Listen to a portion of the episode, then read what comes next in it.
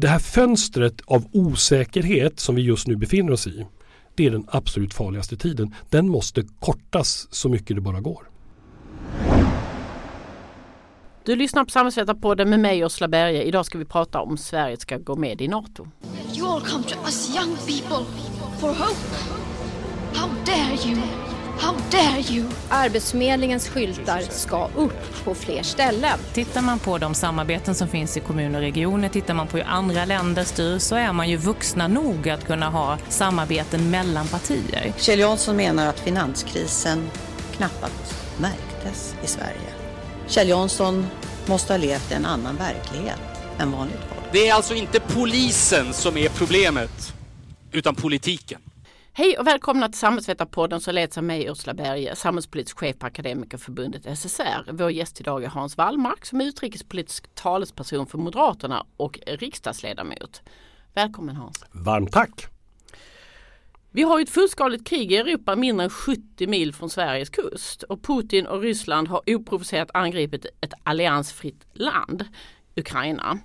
Och, och vi har tidigare poddar pratat om flyktingströmmen hit eh, med Mikael Ribbenvik och hur bistånd till Ukraina ska kunna lösas med Anna Sundström på, på Olof Palme-centret. Men nu tänkte jag vi skulle prata om en annan konsekvens av det här kriget i Ukraina och det är den uppblossade debatten om svensk NATO-medlemskap. Och, eh, och du är vice ordförande i riksdagens utrikesutskott och eh, jag tänkte vi skulle börja prata om, om den svenska alliansfriheten som är, är historiskt väldigt eh, liksom, ja, långtgående och har funnits under lång tid. Men den har ju hela tiden också omformulerats, både alliansfriheten och neutraliteten i krig. Vad tänker du runt själva processen med alliansfriheten och omformulerandet?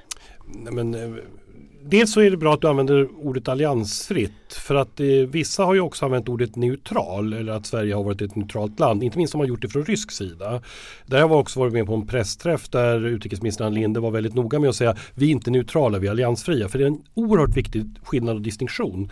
Eh, därför att Sverige är ett värderingsbaserat land. Vi är en del av den europeiska gemenskapen och därför så ingår vi ju i olika former av internationella samarbeten. Vi står inte neutrala. Vi står inte neutrala inför stora konflikter i världen. Eh, och vi står absolut inte neutrala nu i, i det krig som Ryssland för mot eh, Ukraina.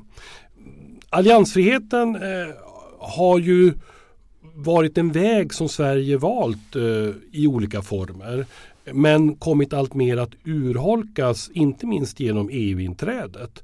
Därför att eh, där har vi då alltmer ingått i en krets av likasinnade länder. Vi har ju dessutom från svensk sida ensidigt också uttalat en så kallad solidaritetsförklaring. Det vill säga att vi säger att vi är beredda att hjälpa och stödja länder i vårt närområde i händelse av kris eller krig och vi tänker då att andra länder i händelse av kris eller krig ska stödja oss.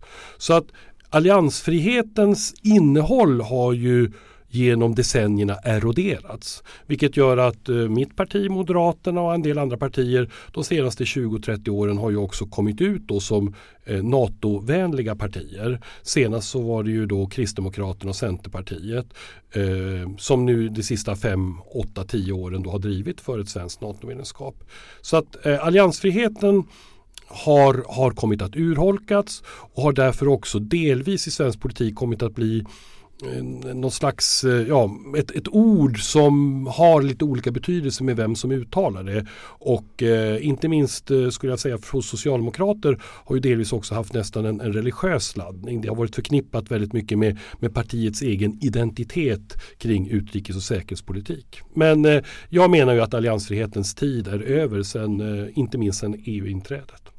Så du skulle säga att efter EU-inträdet och kanske också med det allt närmare samarbete Sverige har med NATO att vi egentligen inte är alliansfria längre i ordets äh, rätta bemärkelse? Ja, det skulle jag säga. Och jag skulle dessutom säga att om jag vore rysk befälhavare och sitter i Kreml och tittar på en europeisk karta och tittar västerut mot uh, norra Europa så skulle jag säga att jag inte på något sätt som rysk befälhavare skulle utgå ifrån att Finland och Sverige inte är en del utan den västliga sfären. Och du nämnde ju det här med hur, hur ditt parti har, alltså jag kan inte riktigt Moderaternas historia. När blev Moderaterna som parti med ett eh, stämmobeslut för NATO? Ja det visste inte jag heller men så var det en journalist från TV4 som hade gjort lite arkivforskning och tydligen så var det då vid vår partistämma 2003.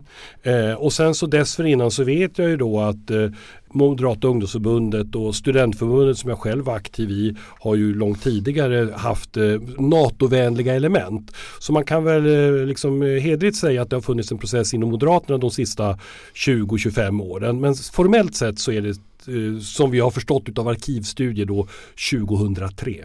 Så det är ganska direkt efter EU-medlemskap. Ja, och jag, som jag säger, jag tror att EU-medlemskapet eh, har nog i grunden förändrat eh, vår svenska syn på eh, alliansfrihet. Eller som då sådana som jag som är då en hängiven NATO-anhängare, eh, allianslöshet brukar vi ju hellre prata om. Och svängde du själv där 2003 eller var det något som låg även tidigare? Ja, jag har också försökt eh, dra mig till minnes det. Eh, Både du och jag har ju tidningsbakgrunder eh, från ganska snarlika till namn men väldigt olika i innehåll. Du var på NSD och jag var på NST. Eh, Norrländska Socialdemokraten för din skull och Nordvästra Skånes Tidningar för min skull.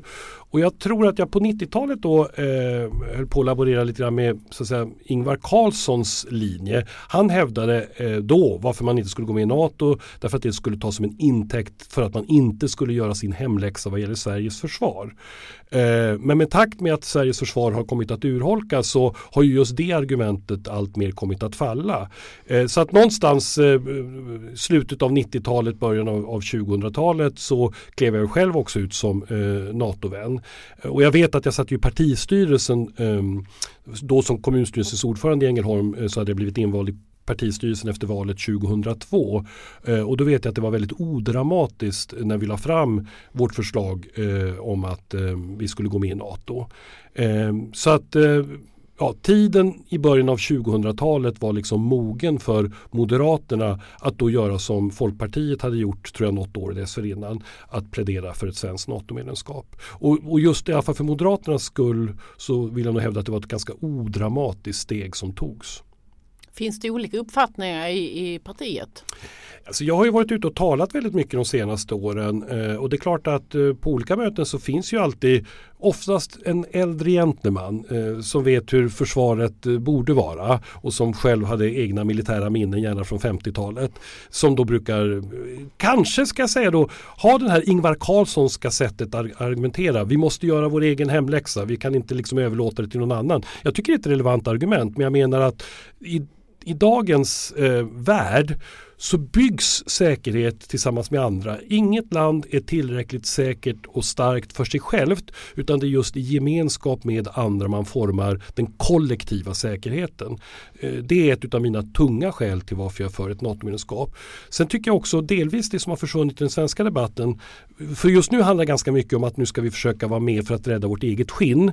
Vi är oroliga för kriget, vi är oroliga för att Ryssland skulle kunna göra något mot oss. Därför vill vi ha försvarsgarantier. Jo, det är ett relevant argument men jag tycker att det är en viktigare, det är ju den internationella solidariteten. Det är ju för att trygga vår gemensamma säkerhet. Det är för att ställa upp för det gemensamma som vi också borde vara medlemmar av NATO. Ehm, man får lite intryck i den svenska debatten att ehm, Finlands vägval är väldigt centralt för Sveriges vägval. Hur viktigt är det för dig? Det har kommit eh, så här, jag håller helt med om din beskrivning. Det har kommit att bli så för den svenska debatten. Jag tycker att det är ett relevant argument men det är inte ett avgörande argument. Men delvis så tror jag att framförallt Socialdemokraterna får tillbaka nu en, en politisk bumerang som de har kastat ut ett antal år. Därför att när sådana som jag har pläderat för ett svenskt NATO-medlemskap då har det oftast låtit som att ja men vi kan inte göra det för vi kan inte tvinga på Finland det. Därför att de har en mycket osäkrare situation genom sin över 1300 kilometer långa landgräns mot eh, Ryssland. Så vi får inte tvinga in Finland. Det har varit så att ett ganska ofta förekommande eh, argument i den svenska NATO-debatten. Nu har ju det totalt fallit när Finland nu på full fart är på väg in mot ett medlemskap. Och då blir det ju svårare att liksom argumentera för eh, att vi ska stå utanför. Jag, har ju, jag är ju ganska aktiv i nordiska sammanhang och en av mina favoritträtobröder är Erkki Tuomioja i Finland. Han är tidigare socialdemokratisk utrikesminister och har liksom varit Mr Socialdemokrat eh, i decennier i Finland. Och han brukar alltid hacka på mig. Du pratar bara om NATO säger han till mig. Nu har ju till och med Erkki Tuomioja klivit ut som en förespråkare för ett finländskt NATO-medlemskap. Och det är klart att tanken på att Finland skulle vara med i NATO och Sverige stå utanför den är i grunden fullständigt absurd. Men jag tänker så här, Finlands sak är vår och det finska vinterkriget och att vi har ett tajt samarbete också försvarsmässigt med Finland. Samtidigt har vi gjort väldigt olika vägval. Under fortsättningskriget gjorde vi olika vägval och, och den vänskapspakt Finland hade med, med Sovjetunionen och, och senare Ryssland har ju inte vi. Alltså så, så, så tajta har vi kanske inte gått eh, försvarsmässigt. Ja, dels är det så att man ska nog ändå inte helt bortse från den detaljen eh, att man har 1300 kilometer landgräns mellan eh, Ryssland, tidigare Sovjetunionen. Det är en liten detalj. Ja, ja, ja, detaljen och det var det med liksom citationstecken. Sen eh, återigen där på det här med alliansfri det man ibland glömmer bort i den svenska debatten men vilket Finland kommer ihåg mycket mer det var ju att vi var absolut inte neutrala under eh, attacken mot Finland, Sovjetunionens attack. Sverige var ett icke krigförande land men Sverige tillät ju eh, svensk trupp frivilligt delta på den finska sidan. Eh, betydande delar av svensk eh, försvarsmateriel flyttades ju över till Finland för att ha i kriget. Och Sverige tog emot betydande andelar så kallade krigsbarn till Sverige. Så vi var ju en aktiv part, om än inte formellt aktivt krigförande. Men vi hade ju mycket tydligt tagit ställning för republiken Finland. Så att den här intimiteten mellan Sverige och Finland, den vill jag nog ändå säga finns där. Och jag är utrikespolitiker och det märker man ju otroligt otroligt tydligt när man reser omkring i världen att alltså den närhet som finns i Norden är exceptionell. Men den närhet som finns mellan två gamla rikshalvor, nämligen den västra Sverige och den östra Finland, den är outstanding. Så att, eh, så att på det sättet, just också den här, eh, och det vi har sett nu i modern tid, det är ju då att vi har fördjupat försvarspolitiska samarbetet. Nu pratar man ju också om att vi har ett försvarssamarbete som är bortom fredstida förhållanden. Om det landet då skulle välja NATO och Sverige skulle stå utanför, då faller ju allt detta. Du, kan, eh, du har gemensam försvarsplanering inom NATO, men NATO har inte gemensam försvarsplanering med andra länder. Så hela den här relationen Sverige-Finland skulle ju kraftfullt förändras det vill säga försämras om Finland går med och Sverige står utanför. Och därför så blir det väldigt mycket så att nu går det ju väldigt fort i Finland. Vi pratar om dagar innan Finland kommer att formellt sett söka ett NATO-medlemskap. Och då menar jag att allt allt talar för att Sverige bör göra detta koordinerat och i tandem med Finland. Och därför ska en ansökan också lämnas in från Sverige ungefär samtidigt, helst samma dag som Finland. Och jag tänker vi ska in på, på, i detaljer på den här färdvägen och så vidare. Men betyder detta, alltså vi har ju ett allt djupare samarbete inom, inom eh, eh, försvarssamarbete med Finland och det finns en transatlantisk länk och samarbete med NATO och så vidare. Har det funnits en väldigt bred enhet också med Socialdemokraterna och tycker du också att detta, denna processen som har kommit hit har varit rätt? Ja, alltså jag hade ju långt tidigare velat att Sverige skulle naturligtvis ha, ha, ha gått mot ett, ett NATO-medlemskap. Jag vill dessutom säga att nu, ibland hör man ju nu i debatten det går så fort. Jag tycker inte det går fort. Jag, har, alltså jag tillhör ett parti som har tyckt det här sedan 2003. Däremot så kan det gå fort för enskilda partier och enskilda politiker. Eh, och opinionen? Ja, kanske det också. Men den har ju kanske delvis också varit en spegling av att alla partier inte har velat spela boll. Utan det har ju varit ganska stumt i flera år från ett antal partier att, så att säga, diskutera NATO i sak. Det har blivit eh, ja, ganska mycket att ja, alliansfriheten har tjänat oss väl, punkt. Och så har man inte liksom tänkt eh, tankarna vidare. Jag tillhör ju de som till exempel har sagt i flera år till svenska socialdemokrater Men tänk om Finland går med i NATO. Hur ska ni ställa er? Och då säger man ja, men det där är ju bara en teoretisk, det är ju bara en hypotetisk fråga. Hittepå. Ja, nu är det inte så hittepå. 12 maj är det kanske inte det. Nej, 12 maj eller vad det nu kan bli. Va? Mm. Sen är det så att eh, min gode vän kamrat Håkan Svenneling från Vänsterpartiet han gjorde mig uppmärksam på en ganska skojig sak. Han hade liksom kollat igenom alla NATO-inlägg som har hållits i riksdagen eh, senaste åren. Jag vet inte exakt vad han hade för mätserie. Och då konstaterar han något i den här stilen. Moderaterna står för över 400 inlägg. Sen är det Folkpartiet Liberalerna som står för... Han sökte på ordet NATO alltså? Ja exakt. Ah, ja, ja. Ja. Okay. Och så hade och, Moderaterna lite över 400, eh, Liberalerna eh, runt 190 och Vänsterpartiet eh, 130-140. Så det var liksom guld, silver och brons. Och så konstaterar han att Hans Wallmark stod för 48,7 procent utav Moderaternas NATO-inlägg. Så så här, för mig så är det ju inte en ny fråga. Det är inte liksom något som har uppkommit här och eh, nu idag. Däremot så har jag försökt påpeka detta för ett antal politiker. Att de sen inte har responderat, det kan ju inte jag lastas för. Nej. Du, eh, då, du har sagt en del av de där 48,7 procenten ordet NATO-option. Mm. Vad betyder det? Jo, det var ju något som eh, vi lyckades få en majoritet för i december 2020 i samband med att vi tog eh, ett nytt försvarsbeslut, det som gäller nu sedan 1 januari 2021. Och när vi behandlade det så fanns det olika motioner. Det fanns, fanns det en motion från Centerpartiet som just tyckte att Sverige skulle uttala en NATO-option i likhet med Finland. Finland har ju sedan mitten av 90-talet haft en ganska bred politisk enighet att Eh, NATO-medlemskap är ett möjligt verktyg och om Finland vill och anser att det är nödvändigt så kan man eh, aktivera det. Det har då flera partier eh, tyckt och sagt alldeles oavsett om de har varit för ett finländskt NATO-medlemskap då och nu. Eh, och egentligen historiskt eh, under många år så har egentligen bara två partier varit för aktivt ett finländskt NATO-medlemskap och det har varit Samlingspartiet, alltså Moderaternas systerparti och Svenska Folkpartiet. Men partierna i Finland har varit överens om att detta är en möjlighet som vi inte ska utesluta i Finland. Då försökte vi i december 2020 säga till Socialdemokraterna, men låt oss göra då som Finland, inte minst därför att vi har det här mycket nära samarbetet med Finland. Låt oss uttala ett svenskt NATO-option. Det vill säga, ja ja, vi fattar att alla partier inte är för detta, men vi säger att det är ett verktyg som finns där och att det kan komma en dag då vi vill använda det.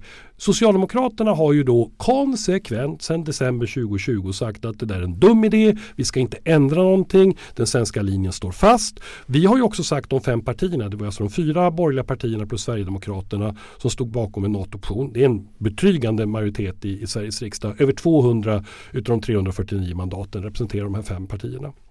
Och då sa vi, men bjud in då till säkerhetspolitiska samtal. Det har vi drivit sedan december 2020. Nu på den yttersta dagens yttersta timmas yttersta sekund så bjöd då Socialdemokraterna in till säkerhetspolitiska samtal för några veckor sedan. Därför att tåget håller på att rulla ut från stationen i Helsingfors. Och att bli medlem i NATO det kan ju vara lite olika saker. Man, man, det är en hel mängd åtaganden man gör om man blir medlem och man har också massa rättigheter och möjligheter och så vidare. Det finns ju också partier, eller förlåt, länder som har gjort olika typer av förbehåll. Jag tänkte jag skulle göra en checklista här och få säga ja eller nej till. Eller vi kan börja med att fråga. Är du för ett NATO-medlemskap helt oreserverat eller tycker du att man ska ha något förbehåll? De flesta länder som har det du kallar förbehåll har ju oftast gjort vad man kan säga, en ren ansökan. Sen har man gjort politiska uttalanden där man har sagt att ja, vi från vår del tänker på det här sättet eller vi utgår ifrån att andra länder kommer att behandla oss på det här sättet. Man ska ju komma ihåg att NATO är ju en organisation som fattar beslut i enhällighet. Därför är det ju svårt att tro att NATO skulle tvinga på ett medlemsland någon uppfattning som det medlemslandet kategoriskt har markerat emot.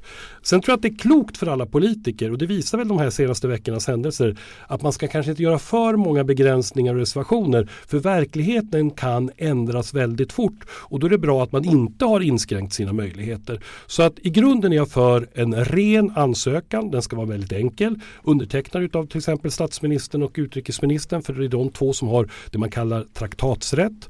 Eh, där det står härmed ansöker konungariket Sverige om eh, att bli inbjuden som medlem i den eh, västliga försvarsalliansen NATO.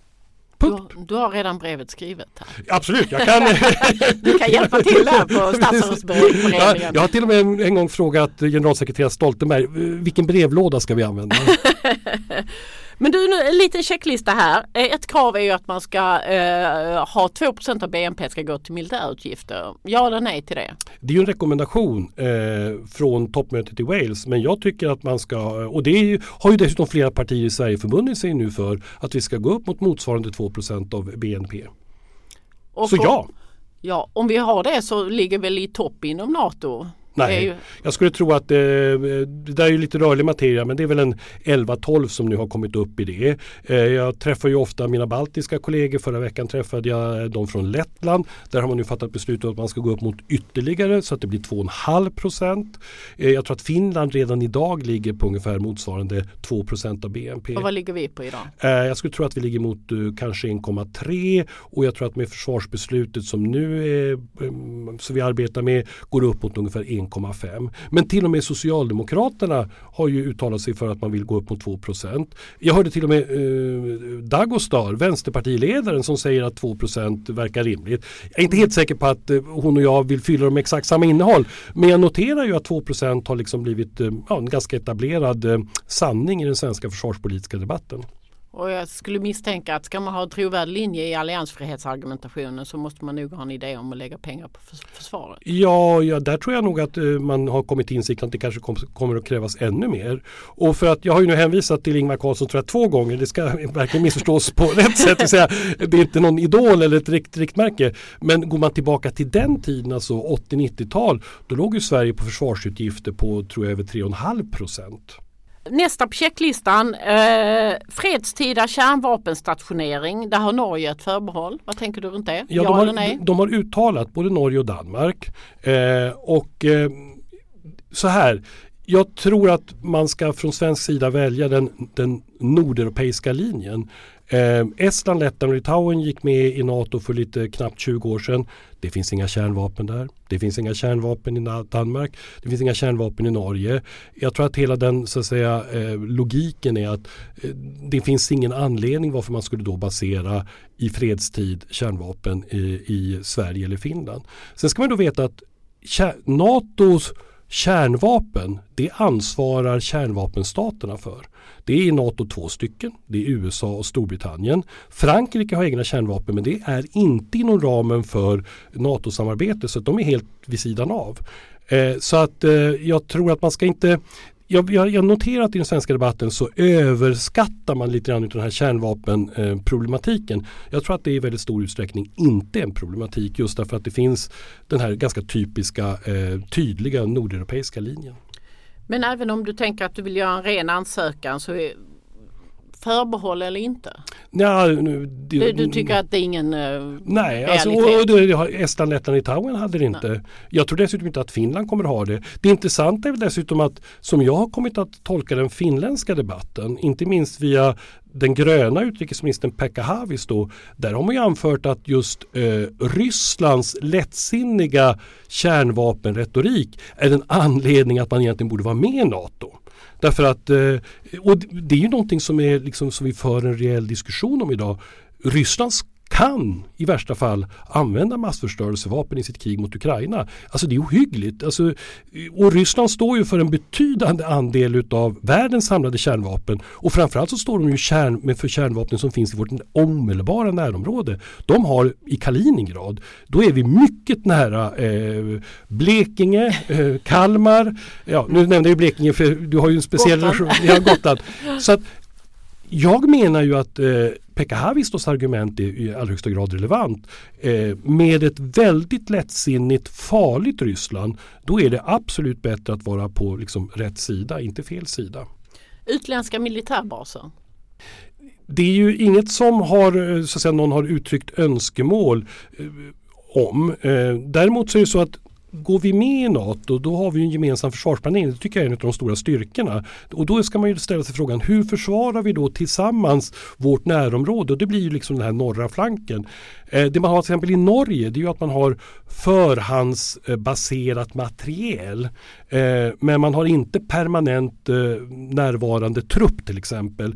Eh, i Baltikum gör man ju allt vad man kan nu för att få amerikanarna att vara permanent närvarande. Nu har man ju det man kallar roterande bataljoner eh, som är sammansatt av olika länder. Inte minst eh, USA, Kanada, eh, Tyskland, Storbritannien jag tror inte att eh, det, just, det, det, kommer inte vara ett inledningsvis stort tryck mot att ha det. Men jag har inga problem med det. Eh, därför att så länge det liksom jackar in i den svenska försvarsplaneringen så att vi kan skydda vår del av världen.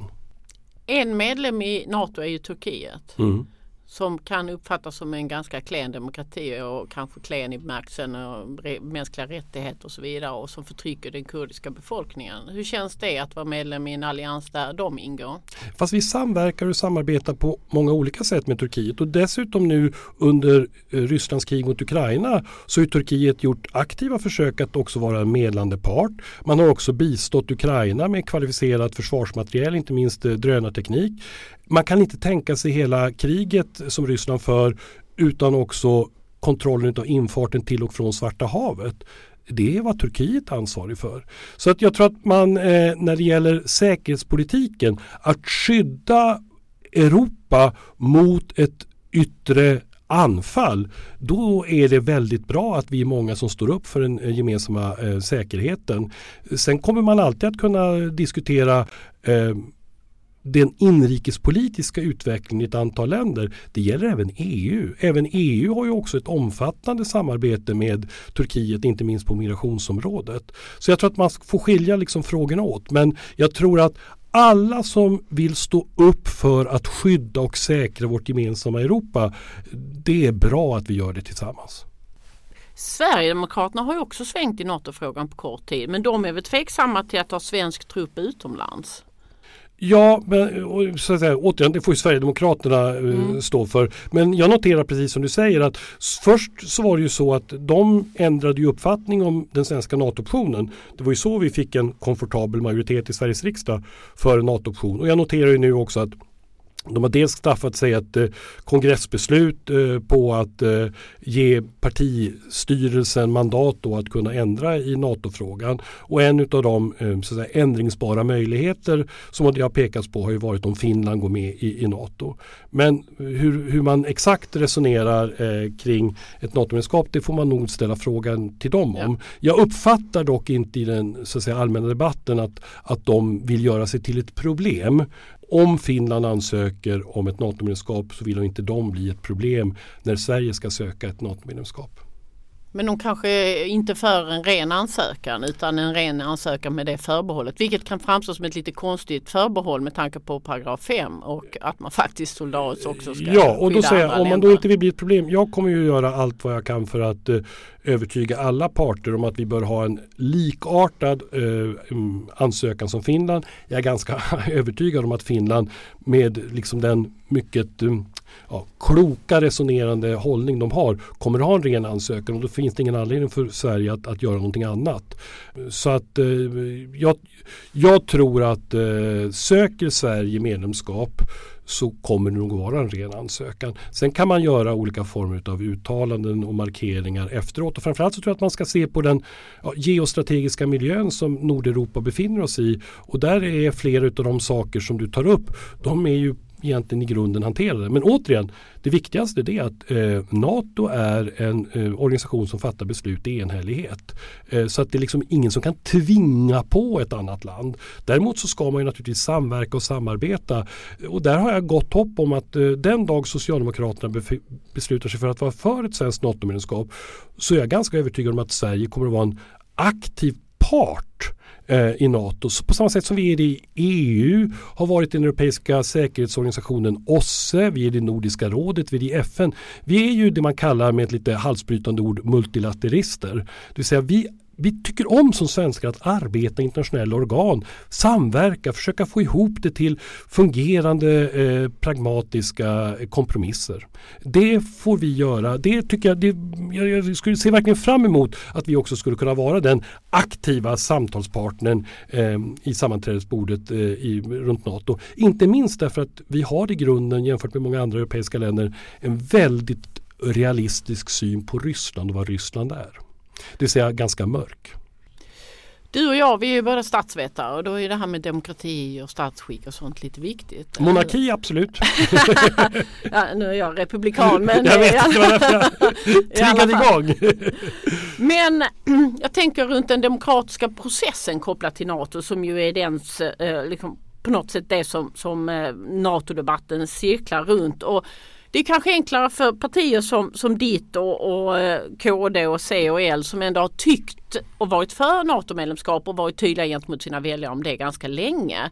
Men, men andra partier har ju inte varit det. Och vad tänker du generellt runt andra partier? Kanske framförallt Socialdemokraterna men och SD har också svängt utan att ha prövat det i ett val.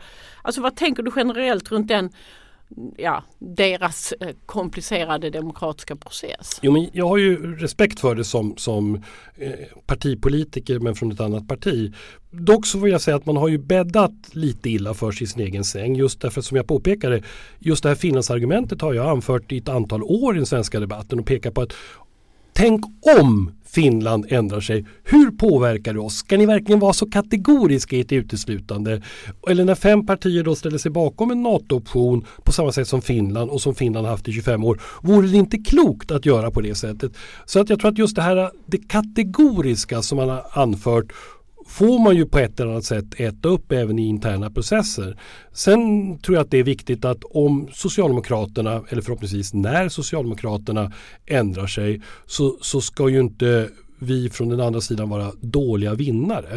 Det vill säga, jag tycker det i grunden är bra. Jag, jag tycker det, i så fall så har ju också Socialdemokraterna i mina ögon vuxit därför att då har man blivit större än sitt eget parti. Jag förstår att det här gör ont partiinternt. Men jag tycker att Sveriges intressen alltid trumfar ett partis egna intressen. Och väljer Socialdemokraterna ett svenskt NATO-medlemskap då har de ju också valt, menar jag, Sveriges intresse framför partiets intresse. För de förstår ju att det kan komma en del intern skit utav detta. Och det är klart att eh, även om eh, jag som moderat inte nödvändigtvis pekar allt för mycket finger, kanske lite men inte allt för mycket, så kommer naturligtvis media att göra det. För de kommer ju, då kan man ju gå tillbaka till de här eh, debatterna som Håkan Svenneling googlade upp. Och det är klart att eh, när då Moderaterna har anfört 408 gånger om NATO så kan man ju se 408 gånger vad Socialdemokraterna har sagt. Och det har ju varit, så tillvida får man ändå säga, ganska konsekvent avvisande och eh, så att säga, avvärjande. Men, men som sagt, jag tror att det är viktigt att, att om Socialdemokraterna eller när Socialdemokraterna ändrar sig så eh, menar jag att då gör man det då, då, då låter man Sveriges intresse väga tyngre än partiets. Alltså att gå med i NATO eh, för dig måste ju innebära att ju mer demokratiskt legitimt beslutet är desto bättre är det för långsiktig samverkan i NATO och så vidare. Du tänker inte att, att frågan skulle kunna avvaktas på en eller annat sätt. Vi går inte med från en dag till en annan. Så, till, och låta riksdagsvalet handla om NATO. Eller att vi sammanfall, låter riksdagsvalet sammanfalla med en folkomröstning. Det finns ju ändå de argumenten som har kommit fram. Ja, där eh, håller jag inte, nu, nu tänker jag inte hänvisa till Ingvar Carlsson utan här hänvisar jag till Magdalena Andersson och Ann Linde. Jag håller med dem i deras argumentation.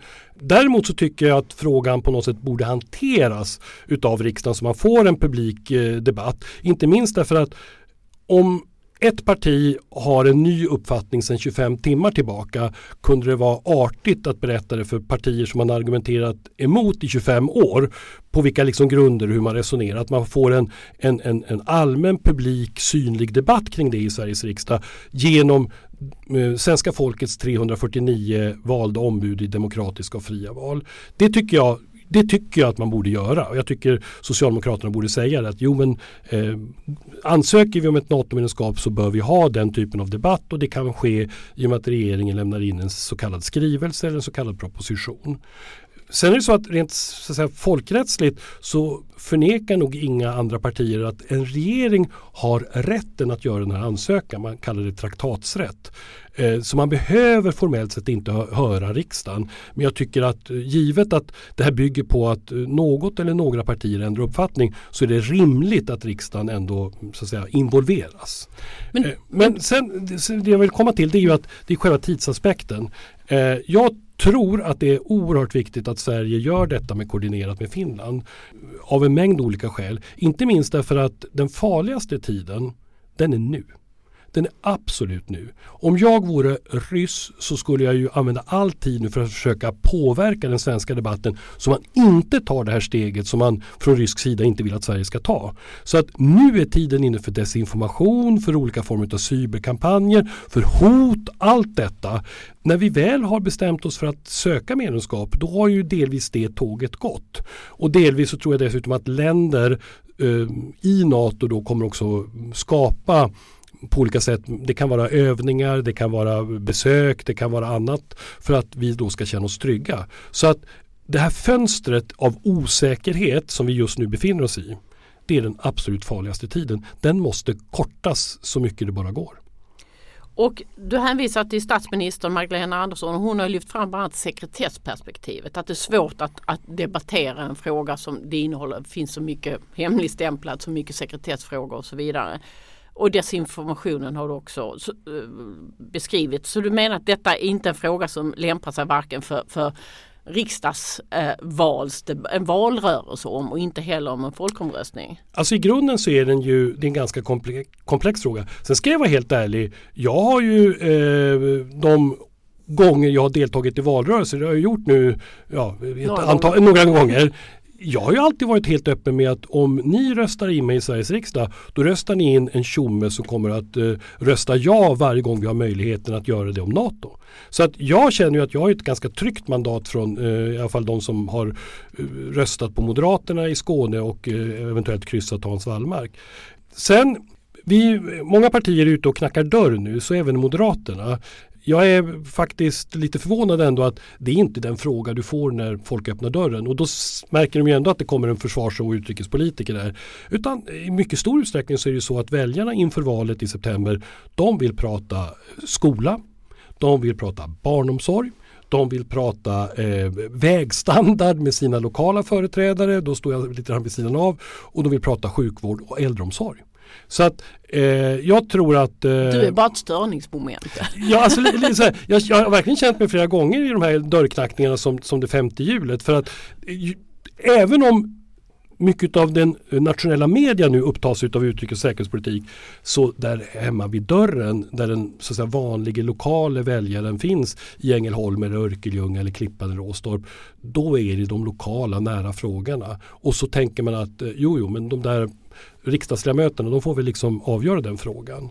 Eh, så att, och det ser man ju också att så tillvida så håller ju opinionen väldigt kraftfullt på att svänga. Det kommer ju en ny mätning idag men det, det kommer ju liksom fortlöpande och alla mätningar indikerar ju på ett stöd långt över 50% nu för ett svenskt NATO-medlemskap och de som eh, till äventyrs är emot det har ju krympt ihop nu till ja, 20 eller något sånt. Så att jag tror att eh, i den politiska bubblan är det här en väldigt stor fråga och jag menar ju också att det, det liksom ett, är ett avgörande val vi gör. Men jag är inte säker på att det är den stora köksbordsfrågan utan det är, liksom, det är, är kriminaliteten, det är eh, skolan, det är sjukvården. Så det, det, du skulle vilja se är en rejäl riksdagsdebatt någon gång då i slutet på maj eller när det kan tänkas vara då? Ja, så, så blir det den 409 i Håkan Svennelings lista. då får du säga NATO många gånger så ja. att du toppar listan. Den, skulle vi säga att detta är en fråga där den representativa demokratins mandat är jättetydligt och att den andra typer av så att säga demokratisk legitimitet får stå tillbaka? Ja, så. det var en väldigt bra sammanfattning. Det är statsvetare Berge har rätt. och där är jag inte ensam. Där tycker Ann Linde och Mar eh, Margot Wallström och Magdalena Andersson precis som jag. Ja men vad härligt.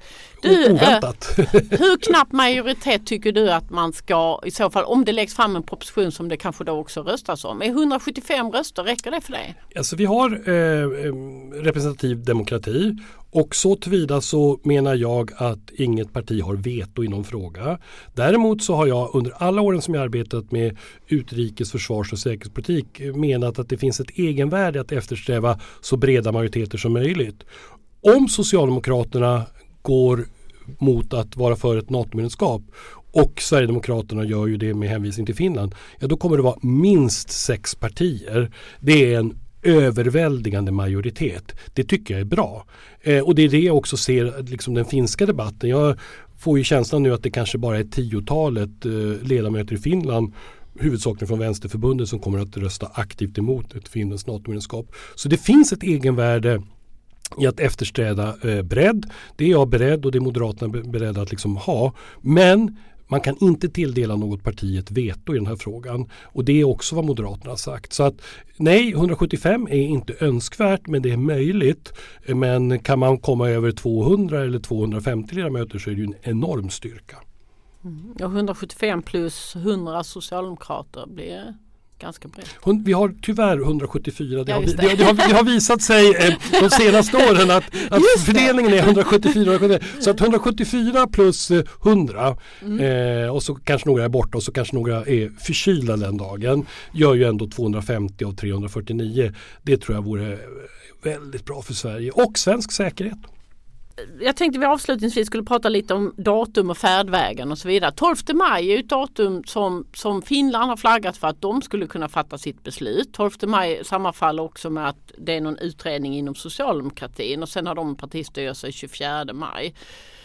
Om du fick se ditt, om vi, nu är du moderat och inte socialdemokrat så vi kan bortse från Socialdemokraternas dagordning. Men hur ser din färdväg ut datummässigt? Det finns ett toppmöte NATO-toppmöte i början på juni också va? Alltså det finns ganska mycket siffermystik nu givet eh, datum. Och det, förklaringen är helt enkelt därför att egentligen är det två parallellprocesser nu. Dels är det Socialdemokraternas interna och dels är det ja, den här mer publika som finns med, med analysgruppen och det som sker i riksdagen. Eh, och så länge Socialdemokraterna inte liksom har varit tydliga med exakt var de befinner sig så, så hack backar ju de här eh, processerna. Men för att då liksom räkna bakifrån så tror jag att det vore viktigt att Sverige och Finland var med på det här toppmötet. Man håller toppmöten ungefär vartannat år. Det kommer att hållas i Madrid och då är NATOs samtliga stats och regeringschefer på plats. Jag tycker att det vore en otroligt viktig manifestation att Sverige och Finland var med med de 30 andra länderna. Det skulle också underlätta det man kallar ratificeringsprocesserna. För varje medlemsstats parlament måste också godkänna Sverige och Finland som medlem. Eh, så man ska liksom inte underskatta det arbetet. Det kanske kan ta några månader. Det kan ta för många månader om det blir fel och det kan ta, gå mycket fortare om det blir rätt. Och därför tror jag att det här Madrid-toppmötet är viktigt. Då får man räkna baklänges, det är i slutet av juni. Eh, det kan ta då eh, ett antal veckor för NATO att processa detta så att Sverige och Finland blir inbjuden som medlem. Vad vi ansöker om är att bli inbjudna som medlemmar. Eh, det var någon som sa att det skulle ta två dagar. Det har till exempel eh, Stoltenberg, generalsekreteraren sagt eh, kan ta två, tre dagar. Vi tar lite fallhöjd för att det kan vara helgdagar och, och eh, ja, Semester. Något sånt. Va? Så, att, så, så, säg två, tre veckor. Då är vi någonstans i månadsskiftet maj-juni med lite marginal.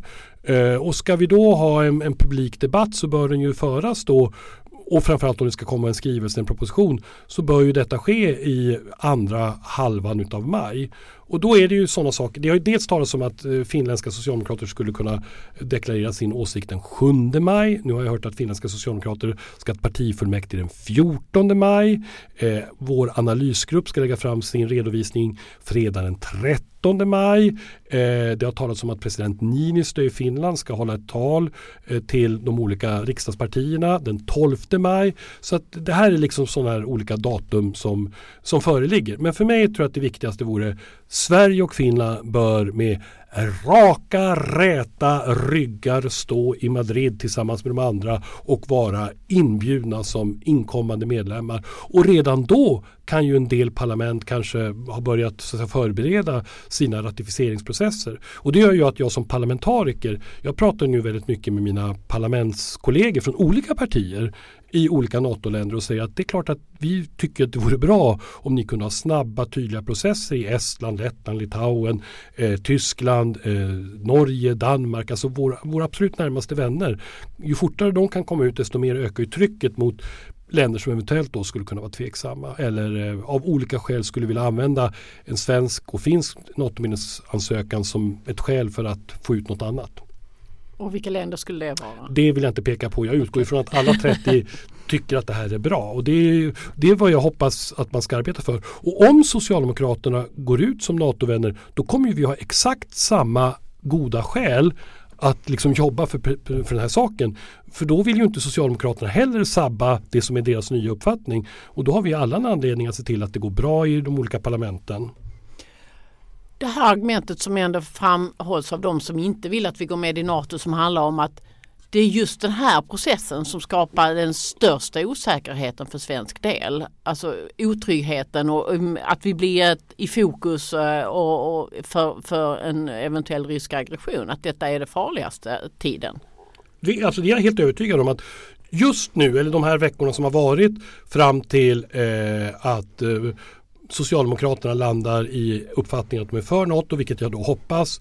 Och att man kan då så att säga, få in ansökan. Det är den absolut farligaste. Det, det, är nu man har möjlighet att påverka. När vi väl har sökt om medlemskap då är det ju ganska svårt eh, för Ryssland att få sin vilja igenom. Så att eh, därför tycker jag att man liksom av det skälet ska spida upp eh, just för att göra det här fönstret så litet och svårgenomträngligt som möjligt. Avslutningsvis, om du var Magdalena Andersson, vad skulle du göra nu?